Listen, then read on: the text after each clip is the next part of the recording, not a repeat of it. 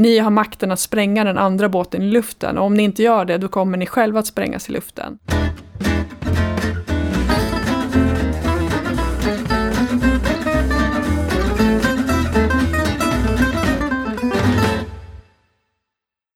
Hej och varmt välkomna till Smedjan-podden. Jag heter Karin Svanborg Sjövall och jag sitter här med Maria Eriksson som är redaktör på Smedjan. Hej Maria! Hej! De senaste dagarna har debatten i mycket handlat om Sverigedemokraten Mattias Karlssons nya konservativa tankesmedja Oikos. Många frågor har ställts, dels om relationen till SD kommer att se ut och dels om vilken sorts konservatism Oikos kommer att företräda. Är huvudfienden liberalism eller socialism? Eller inget av det? Och vilken slags liberalism eller konservatism är det då egentligen man diskuterar? Idag ska vi fördjupa oss i ett lite udda ämne som illustrerar precis hur krånglig det debatten kan bli genom att titta närmare på frågan om hemskolning som du skriver om just nu Maria. Och vägen in börjar med ett åländskt punkband, eller hur? Ja, precis. Eh, ja, punkbandet är ju lite av en eh, slump. Jag stötte på dem i Mariehamn förra året ett gäng grabbar som satt på en, en brygga där som jag började prata med. Och eh, de eh, presenterade, presenterade sig då som Ålands enda punkband, Hemoglobin. Eh, och de sa att det händer ju inte så mycket här på Åland så vi har startat ett punkband. Men eh, Åland är ju annars, eh, har ju blivit lite känt i Sverige för att vara ett eh, fäste för hemskolare. Det är ganska många svenskar som flyttar dit för att hemskola sina barn. Hur många handlar det om ungefär? Eh, nu så säger man att det är rekordmånga barn, så det är 73 barn tror jag som hemskolas där. Och majoriteten är svenskar, är det inte så? Alltså det kanske finns eh, åländska barn också, det vet jag inte, men det är 73 svenska barn okay. som mm. bor där. Och, eh, och det visade sig faktiskt att sångaren i det här punkbandet var ju en av de eh, barn som hade gjort det. Eh, och anledningen är ju att ehm, i Finland, i Sverige har man ju skolplikt, alltså man måste gå till skolan för att undervisas. I Finland har man ju läroplikt. Så att eh, det räcker liksom att man lär sig saker. Eh, undervisningen kan ske på andra ställen än i skolan. Och det är klart att Åland är förstås ett smidigt ställe att åka till eftersom man pratar svenska och det ligger väldigt nära Sverige. Men det är ju många familjer som åker till andra länder också. Jag har haft kontakt med föräldrar som bor i Spanien och Tjeckien och Thailand och så vidare. För i Sverige så har väl hemskolning varit förbjudet sedan 2011 om jag inte minns helt fel. Det var ju alliansregeringen som, som inrättade ett absolut förbud. Men i övriga Norden så är det tillåtet. Är det inte så? Ja, precis. Ehm, det var ju redan tidigare ganska få barn som hemskolades. Och, eh, men ja, 2011 då så skärptes eh, skollagen. Och eh, med Folkpartiet i spetsen då av alliansregeringen. Eh, de, de starka motståndarna mot det här är ju eh, framförallt Folkpartiet och Socialdemokraterna. Och ja, i andra länder, alltså Sverige utgör ju ett undantag här. Eh, andra nordiska länder så är det tillåtet och större delen av europeiska länder så är det det. I många anglosaxiska länder så är det här ett vanligare fenomen också. Så att det är vi som sticker ut här. Och nu har du intervjuat ett antal personer som har hemskolat sina barn eh, för ett reportage för Smedjan. Vad är det för motiv som de anger för att ha fattat det här, ändå i en svensk kontext, ganska udda beslutet? Ja, det var ju så att när jag, jag skrev en krönika och då fick jag mejl från ganska många föräldrar som dels tyckte att det var kul att jag uppmärksammade det här och som också berättade om, om sin situation. Um, och då insåg jag att det kan vara ganska olika skäl till att man väljer det här. Um, till exempel så finns det föräldrar som har barn med autism eller andra eh, diagnoser som gör att det blir svårt att gå i skolan. Jag pratade med en pappa som, som eh, har en dotter som har autism och som kanske egentligen skulle kunna fungera alldeles utmärkt. Men Eh, han eh, sa att den skolan där hon går så är det otroligt stökigt. Och det är en miljö som absolut inte fungerar för henne. Och föräldrarna har gjort verkligen allt de kan för att, eh, för att det ska fungera. Och, och, men skolan å sin sida gör nästan ingenting. Hon får ingen hjälp, hon har ingen assistent, hon har ingen speciell studiegång och det är svårt att, att komma in på en, en skola med mindre grupper till exempel. Så i det fallet, de undervisar ju henne idag hemma i Sverige. Eh, vilket ju är liksom en juridisk gråzon kan man säga. Eh, men de har inte sett något annat val. De vill ju att hon ska gå i skolan. Men det finns ingen, ingen annan möjlighet. För annars så brukar ju argumenten mot eh, egentligen handla om två saker. Det ena är att man är orolig för att barnen inte kommer få de kunskaper som de behöver för att klara sig senare i livet. Och det andra handlar ju om att man är rädd för att det här ska bli en möjlighet för, liksom, för extremister med, med väldigt märkliga värderingar att isolera sina barn från, från omvärlden. Ligger inte någonting i den oron? Men det här med kunskaperna tycker jag att man får ju sätta det i perspektiv då till hur skolan fungerar. Att om alternativet är en skolgång som inte alls fungerar, där du inte lär dig någonting, då är det inte säkert att det är ett bättre alternativ. Alltså, svenska skolan är ju ganska svajig, eller har svajig kvalitet på många håll. Liksom. Eh, och vi pratar väldigt mycket om så här, hemmasittare, alltså barn som, som överhuvudtaget inte går till skolan av olika skäl. Och om, om man då skulle det är klart att det bästa i de fallen kanske är om man kan få en fungerande skolgång, men om man inte lyckas med det så kanske det här ändå kan vara ett bra alternativ. Sen vad gäller det här med liksom att man kan ha andra idéer, för det kan ju vara ett annat skäl till att föräldrar väljer det här, att man kanske har en annan syn på, på uppfostran eller undervisning, man kanske vill tillbringa mer tid med sina barn, eh, man kanske har en annan pedagogisk idé till exempel. Eh, då är det ju ganska snäva ramar i den svenska skolan. Eh, till exempel en del föräldrar ägnar sig åt sån här unschooling eller worldschooling där, där barnen mer lär sig av erfarenheter, eller man liksom är ute i världen och upptäcker saker och lär sig språk och andra kulturer och historia genom att, att gräva ner sig eh, i ett ämne, kanske på en plats dit man har rest eller att själv upptäcka saker och sånt där. Och det finns det ju ingen möjlighet att göra i den svenska skolan.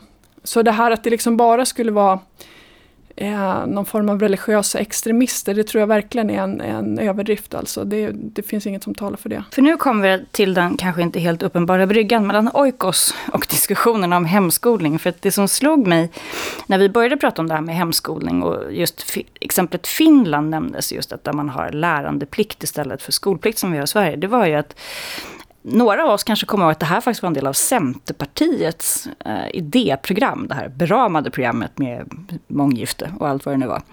Eh, och att det också användes som ett exempel på liksom, extrem liberalism. Att man eh, skulle kunna tillåta detta. Samtidigt så om man tittar på vilka det är som i debatten har drivit frågan om hemskolning så skulle jag tro att de flesta ändå förknippar det snarare med, med konservatism. Så jag skulle inte blivit jätteförvånad om Oikos hade sagt att vi behöver skydda våra barn från de här obehagliga progressiva idéerna som finns i läroplanen. Um, därför bör vi tillåta hemskolning. Delar du den spaningen? Jo, delvis. Alltså, apropå läroplanen, så den, den är ju ganska politisk skulle jag hävda. Och eh, eh jag menar, den inleds ju med att skolväsendet vilar på demokratins grund. Eh, och, och, och det är liksom det är ju en rätt politisk formulering skulle jag säga. Eh, och det, det, är ett antal värderingar som, som läroplanen eh, lyfter fram. Rättvisa, jämställdhet, solidaritet och så vidare. Som vi ofta använder i politiska sammanhang. Eh, och det är, väl, det är väl liksom ingen som skulle säga att jag är emot rättvisa. Men vad betyder rättvisa? Där finns ju en levande filosofisk diskussion. Vad är begreppet rättvisa? Hur lärs det ut i skolan? Det är inte alls självklara eller okontroversiella begrepp. Eh, så jag tycker att det kan finnas skäl både från konservativt och liberalt håll att, att förhålla sig med viss kritik till, till de värdena som, som finns i läroplanen. Eller jag menar till exempel i förskolan som i och för sig inte är obligatorisk då, men där står det i läroplanen att förskolan ska motverka traditionella könsroller. Och det kan man i och för sig tänka sig då kanske mer konservativa som, som skulle vara skeptiska till det och, och vilja hellre ta hand om barnen hemma än att, de, att det är det de ska lära sig så att säga. Alltså överhuvudtaget så om man, om man jämför svensk skola med ganska många andra länder så tycker jag att det är, det är väldigt svårt att hitta några starka belägg för den här uppfattningen som finns om att vi skulle vara så, att vi skulle leva i en nyliberal experimentverkstad och så vidare. Så vi tillåter inte skoluniform, vi tillåter inte pojk och flickskolor. Det finns en pågående debatt om att helt förbjuda konfessionella friskolor, där det finns liksom religiösa skolor i, i de flesta andra länder och så vidare. Så det känns ju som att den svenska skolan är ju väldigt hårt reglerad. Eh, om, man, om man tittar, inte på företagssidan utan kanske snarare just på frågan om vad skolan ska kunna tillåta i termer av avvikande uppfattningar från liksom majoritetsnormer som är politiskt dikterade. Ja, det har ju blivit, jag menar friskolereformen innebar ju att vi kan ha olika organisationsformer och man kan ha delvis olika pedagogisk inriktning. Det kan finnas Montessori-skolor och så vidare. Men det, men det är ju ganska eh, snävt eh, inom vilka ramar som man kan eh, göra saker. Jag menar, jag, andra föräldrar som jag har pratat med har ju lyft fram att de kanske har barn som har lärt sig läsa till exempel väldigt tidigt. Eh, och, och vill då att barnen ska kunna gå i en skola där det här tas tillvara och där de kan, kan liksom, eh, där de inte behöver sitta och vänta in andra eh, kamrater som lär sig läsa när de är sju år eller börjar med alfabetet först då. Eh, det finns ju också väldigt lite utrymme för i svensk skola till exempel. Eh, eller att man kanske skulle kunna tänka sig man, man eh, har lite extra av vissa ämnen eller tar bort andra ämnen. Alltså man kan ju tänka sig variation på väldigt många olika sätt som det inte finns utrymme för idag. Ja, och om man, om man ska frångå det rent politiska så har det ju också skett en teknisk utveckling som ju sannolikt Eh, kan underlätta för olika typer av undervisningsformer. Jag som till skillnad från många andra i borgerligheten är väldigt eh, optimistisk kring vad, vad teknikutvecklingen kan föra med sig kring distansundervisning som vi ju redan ser idag på en del håll i Kina, Indien eh, och på glesbygds, i glesbygden på, på ganska många håll där det har varit ganska svårt att hitta lärare och driva skolor så har ju distansundervisning blivit ett allt vanligare alternativ som ju skulle möjliggöra för någonting annat än idén om att man måste sitta 25 barn i en skola eh, och undervisas på exakt samma sätt. Men, Nej, precis. Man kanske kan tänka sig att man eh, går till skolan en dag i veckan eller eh, två dagar i veckan och sen undervis liksom undervisas på distans hemma resten av tiden. Dessutom har ju skolan idag stora problem att rekrytera bra lärare så att om man har en superpedagog på matte som kan, kan hålla föreläsningar eh, för, för flera elever så kan ju det vara ett bra sätt att utnyttja den kompetensen. Så att, alltså, det är klart det finns jättemycket utrymme för innovation här. Men jag, jag, jag förutsätter ju när du pratar om det här att du, du tar dig an hemskolningsfrågan ur ett klassiskt liberalt perspektiv. Att det här är liksom ett sätt att via ett liberalt regelverk så kan man ju även möjliggöra för för mera så att säga, konservativa idéer i själva utfallet. Frågan är om det omvända skulle vara sant. Alltså jag tänker just skolan har ju varit i hundra år ett projekt för att skapa medborgare. Den här idén om att skolan bara handlar om undervisning och kunskapsinhämtning, det är ju inte sant. Det har ju varit en jätteviktig del i att skapa en svensk nation. Men om liksom mera konservativa krafter, som idag kanske tycker att hemskolning vore en bra idé, kom till makten och kunde använda staten för sina egna syften, tror att de skulle vara lika pigga på ett undantag då? Nej, precis. Det är ju som du är inne på, att, och, och, som jag också tycker visas i till exempel läroplanen då, att det handlar ju ganska mycket om att liksom fostra goda samhällsmedborgare. Och, och vad en sån är kan ju se olika ut för en, en socialdemokrat eller socialliberal. Då handlar det om eh, de värderingar som lärs ut idag. Men för en konservativ så skulle det kunna vara andra värderingar då. Det här med att motverka traditionella könsroller i förskolan skulle väl försvinna om, om Oikos fick bestämma. Så att absolut, jag tror att det finns en sån lockelse från i alla fall visst konservativt håll att försöka implementera sina egna värderingar i till exempel skolan. Ja, då blir ju frågan vad man kan anförtro människor för, för möjligheter eller valmöjligheter i största allmänhet. Och då är man väl lite tillbaka in i, i människosyn.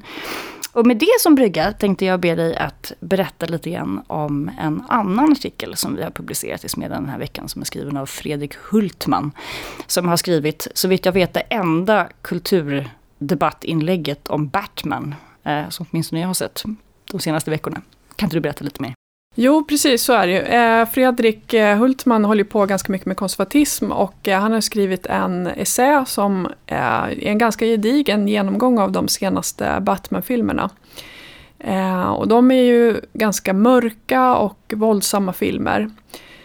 Och han menar att det finns en, ett konservativt budskap i de här filmerna.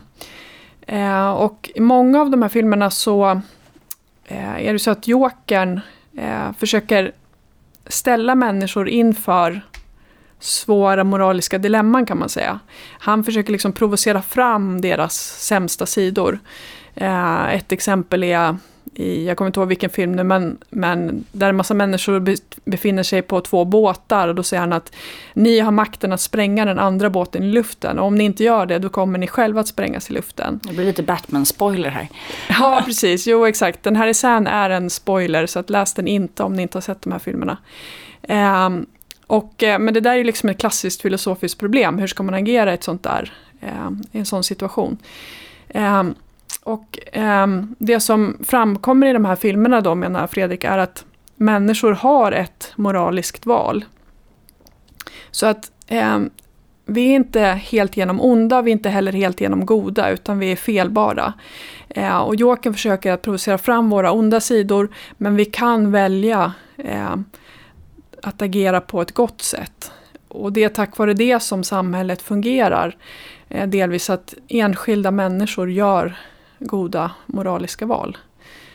Um, så, och sen, sen också ett annat spår i de här filmerna men han är att det finns en liksom kritik av en revolutionär samhällsutveckling där man försöker snabbt förändra saker och så vidare. Så det, det är väl på ett sätt en ganska klassisk konservatism. För det tycker jag är intressant i de här diskussionerna om konservatismen just nu och kanske inte minst den här, eh, man pratar om alt-right-konservatismen och sådär, eh, är ju att, att Burke och Bannon har ju ganska lite gemensamt. Och mycket av det ifrågasättanden som kommer nu från eh, konservativt håll och en del av de inslag som vi såg, apropå Oikos, handlade ju om liksom skilsmässor, det handlade om abort, det handlade om EU-kritik.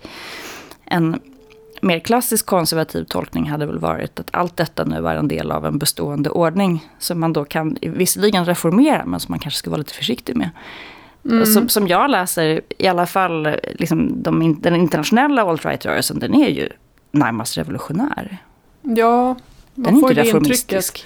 Och det, jag menar, apropå det här du var inne på inledningen med liksom vilken är huvudfienden, är det liberalismen eller socialismen? Det finns ju inom den rörelsen många som utropar just liberalismen som den, den värsta fienden. Och det är klart, det beror på vad man menar med liberalism också. Är det socialliberalism eh, eller, eller mer klassisk liberalism? Men, men jag uppfattar ju liksom tidigare att klassisk konservatism, om man säger så, då, och klassisk liberalism har haft väldigt mycket gemensamt ändå. Ehm, och, och, inte minst eh, hur det har uttolkats sen politiskt i, till exempel Sverige så har det ju handlat om eh, en, en, en, ett motstånd eller en skepsis inför en alltför stark stat och att man ska såklart höga skatter men också det här moraliska att man vill inte använda staten för att implementera sina egna värderingar på något sätt. Och, och det är ju, ja, vi får väl se vad som händer nu men man ser de länder som ofta eh, lyfts fram i de här alt-right-sammanhangen som Ungern och Polen så drar man sig verkligen inte för att göra det. Nej, och där kan man ju ställa sig frågan om man, om man nu utgår ifrån att man har en ganska skeptisk, eller som det brukar heta dessa dagar, realistisk människosyn. Så kan man ju dra ganska olika slutsatser kring vilken roll staten ska ha. För att om man å ena sidan tror att människor är felbara, kanske inte alltid har de vackraste motiv, Eh, kan förföras av idéer, kan svepas med av plötsliga stämningar. Så borde ju, kan man tycka att det borde få konsekvenser även för hur man ser på staten, eftersom staten ju inte finns utan några människor. Någon måste ju liksom ratta den här apparaten också. Men där känns det som att det verkligen finns en vattendelare, både bland olika typer av liberaler och bland olika typer av konservativa. Ja, precis. Jag tycker ibland att det sägs lite förenklat så här att, att eh, konservativa har en mer eh, skeptisk människosyn. Eh, och liberaler är, är, har en väldigt optimistisk människosyn. Och jag tror att det där är, är förenklat för att visst kan man som liberal också inse att människor är felbara och eh, har, om vi nu vill använda sådana begrepp, då, men ondska inom sig. Eh, och, och då skulle en del kunna säga, ja men det är ett skäl för att människor måste begränsas av eh, våldsmonopolet. Men man skulle också kunna säga att det här är ju ett argument för att vi inte kan ge staten allt för stor makt. För även de som eh, makthavarna är ju trots allt människor. Eh, och, och, där tror jag att eh, även en del konservativa skulle kunna instämma i den eh, kritiken. Mm. Och vill man ha assimilation eller integration är väl också lite avgjort av hur man ser på människors inneboende förmåga att hantera värdepluralism. Alltså om det är så att vi är så snarstuckna att, att äh, minsta friktion får oss att vilja slå ihjäl varandra, då är det ju ganska logiskt att man vill förändra, att man vill liksom stryka bort den typen av friktion som kan skapa konflikt. Om man Mm. inte tror att människor i grund och botten är riktigt förmögna att hantera det. Nej, precis. Men det känns som att det också hänger ihop med det här, eh, om man tror på ett, ett samhälle som någonstans ändå växer fram organiskt och att människor kan lära sig att leva tillsammans. Eller om man vill ha väldigt snabba politiska lösningar också. Mer i revolutionär anda. Och där tror jag också att det, även den, eh, det förhållningssättet kan ju skilja sig både bland liberaler och bland konservativa så att säga. Eh, Även en, en liberal som skulle vilja se en större förändring av samhället kan ju, kan ju tänka att det är bättre om det trots allt sker under kontrollerade former eller mer långsamt så att säga. Ja, inkrementellt. Det är väl en synnerligen liberal uppfattning, säger jag som gammal hayekian. Ja, avslutningsvis då. Vad tror du? Vi vet ju fortfarande inte vem det är som kommer att eh, bli vd för Oikos. Blir det en Burke, en Batman eller en Bannon? Ja, det blir väl en spännande fråga att se men eh, ehm, jag, jag tycker ändå som, som liksom det är svårt att uttala sig om Oikos men som du var inne på, vi har ju alt-right-rörelsen och det är ju någonting som ändå har växt sig, växt sig stark eh, senaste decenniet och eh, det finns väl en del som talar för att man kommer att ta inspiration från det hållet. Eh, så då skulle det bli mera Bannon än Burke i sådana fall. Den som lever får se. Spännande blir det i vilket fall som helst. Stort tack till dig Maria och stort tack till er som har lyssnat och som läser.